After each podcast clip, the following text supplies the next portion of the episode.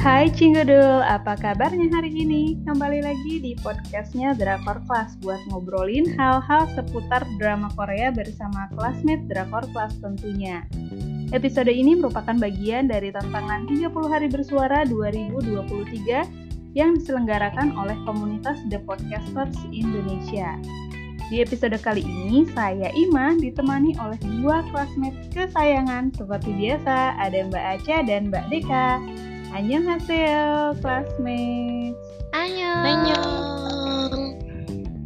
Dalam episode kali ini, saya Ima ditemani oleh dua classmate kesayangan kita. Ada Mbak Aca dan Mbak Deka. Annyeonghaseyo. Annyeong. Annyeong, annyeong cinggu. Buat teman-teman yang sudah mendengarkan podcast kami selama tantangan 30 hari bersuara, saya Mbak Deka dan Mbak Aca kemarin-kemarin juga sempat mengisi salah satu judul podcast yang bertema sinergi. Nah, ngomong-ngomong soal kemarin, hari ini kita juga mau bahas tentang rekomendasi drakor yang tayang bulan kemarin, yaitu November dan masih berkesan nih buat kita bertiga gitu. Ada yang masih ongoing dan ada yang udah tamat. Nih, siapa yang mau share duluan? Kira-kira kita punya rekomendasi drakor apa aja? Mbak Ima dong, share dong. Aku kepo nih. Soalnya katanya agak-agak nempel itu tuh webtoonnya nggak? Oh, iya, bener. Jadi bulan kemarin itu tanggal 24 November ya em, tayang pertama kali episode dari The Story of Park's Marriage Contract gitu ya atau Story of Meadow Park's Marriage Contract. Ini tuh diangkat dari webtoon judulnya juga sama gitu. Nah, em, ceritanya itu adalah tentang seorang perempuan yang dia itu menikah dengan laki-laki yang dijodohin gitu sama keluarganya. Ini ceritanya di zaman Joseon gitu ya, tapi ceritanya bukan sage kok. Jadi dia menikah sama orang yang dijodohin sama keluarganya. Ternyata dia udah pernah ketemu gitu sebelumnya sama si cowok ini dan dia suka juga gitu. Jadi Eh, terus? yang tadinya merasa terpaksa menikah kan nggak pernah lihat mukanya jadi macam taruhan gitu loh jadi nggak nggak pernah lihat mukanya terus pas nikah eh, ketemu kayak loh ini kan kamu gitu. Oh ternyata kamu tuh suamiku gitu. Jadi dia happy nih gitu. Dan menyambut malam pertamanya itu dengan antusias. Nah tapi apakah terjadi sesuatu di malam itu? Iya terjadi sesuatu di mana suaminya itu terkena serangan jantung dan meninggal dunia. Jadi cewek ini namanya Park Hyun Woo. Dia diperankan sama Lee Seyang ya. Dia itu kayak disalah-salahin gitu lah sama keluarga yang cowok gitu. Dibilangnya kamu tuh pembunuh anakku dan segala macam. Padahal dia juga berduka gitu kan ya posisinya karena kehilangan suaminya.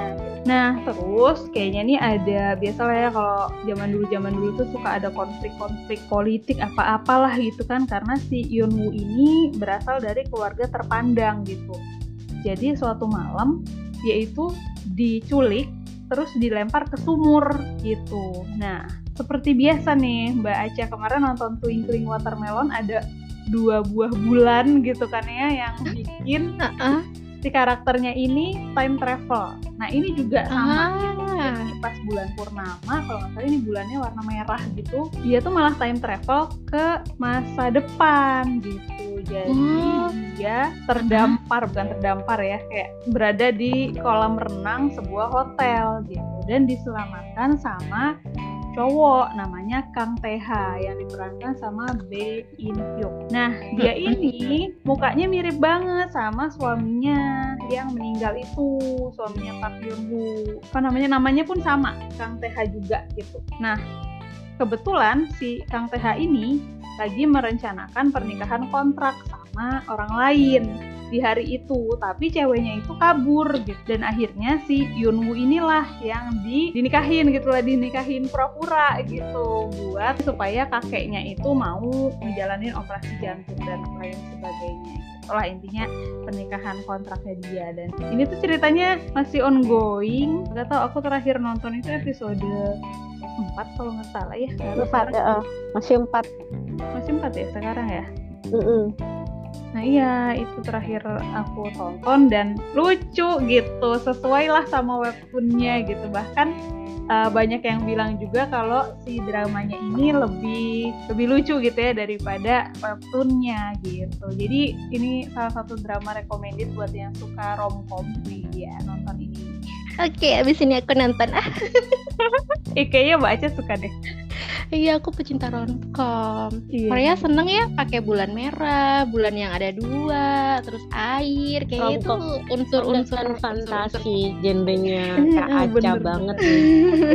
nah, kalau Kak Aca nih nonton apa nih bulan kemarin? Aku masih ongoing nih. Aku nonton Moon in the Day awalnya aku kira ini tuh horor loh soalnya ada hantu-hantu poltergeistnya gitu yang mengikuti si tokoh utama perempuannya. Ternyata um, ada manis-manisnya juga, tapi ada balas dendamnya juga.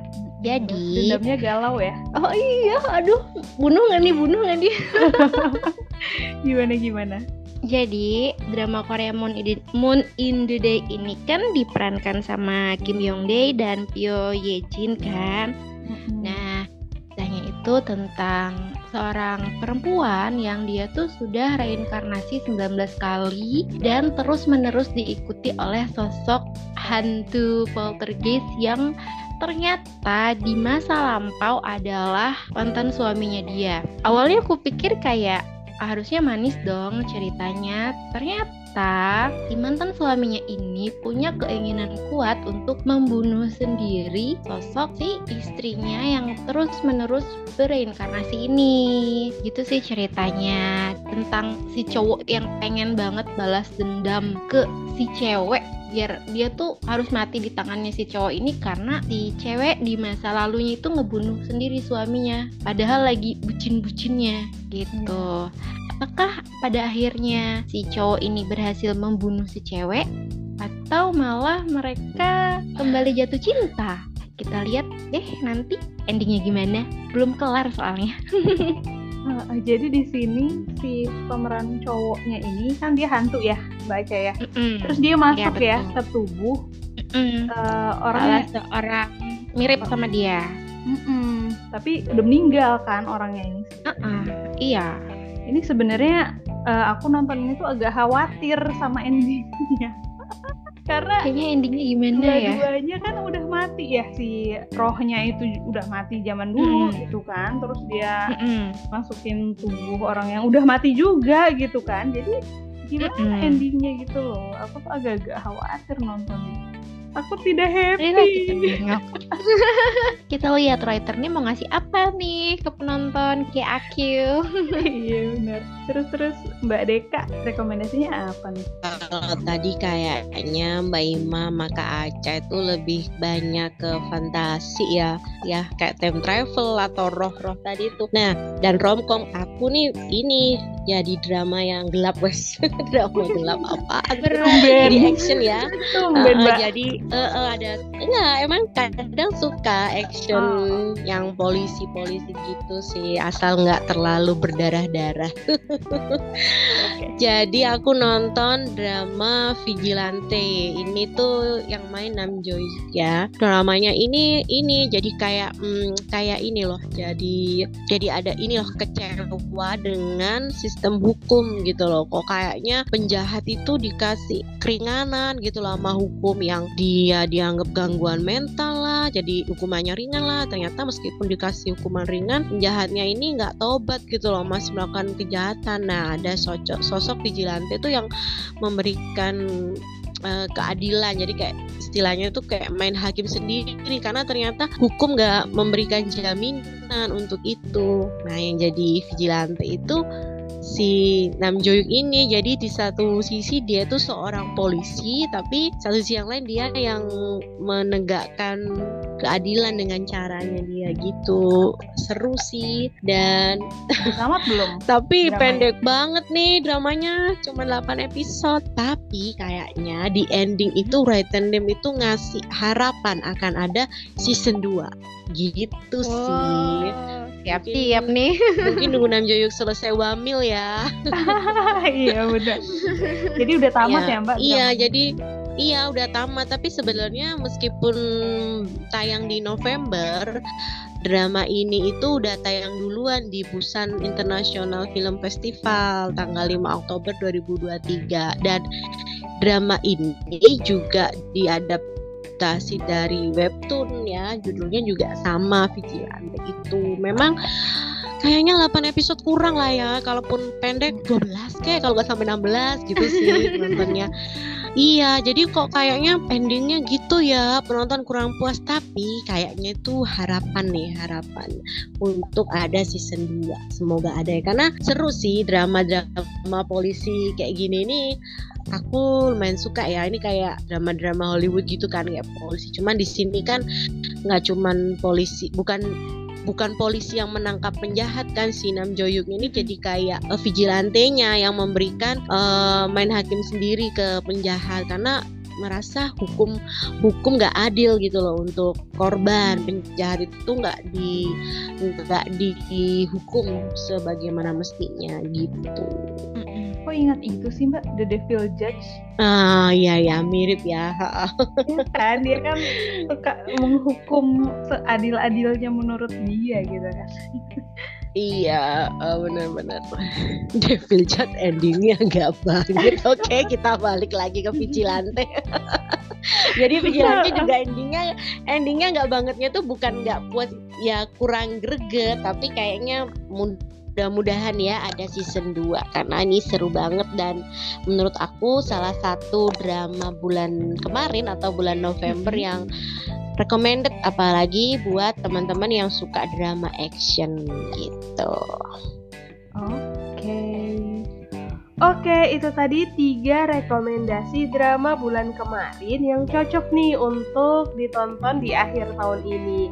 Beberapa di antaranya masih ongoing dan satu udah tamat. Jadi tiga rekomendasi dari Classmate Drakor Class itu ada The Story of Parks Merit Contract, kemudian Moon in the Day, dan terakhir Vigilante. Sekian dulu podcast dari kami untuk episode kali ini. Jangan lupa dengarkan episode-episode podcast lainnya di Drakor Class dan terus ikuti media sosial kami. Tinggal cari aja Drakor Class dan juga baca artikel-artikel kami tentunya di www.drakorclass.com. Annyeong!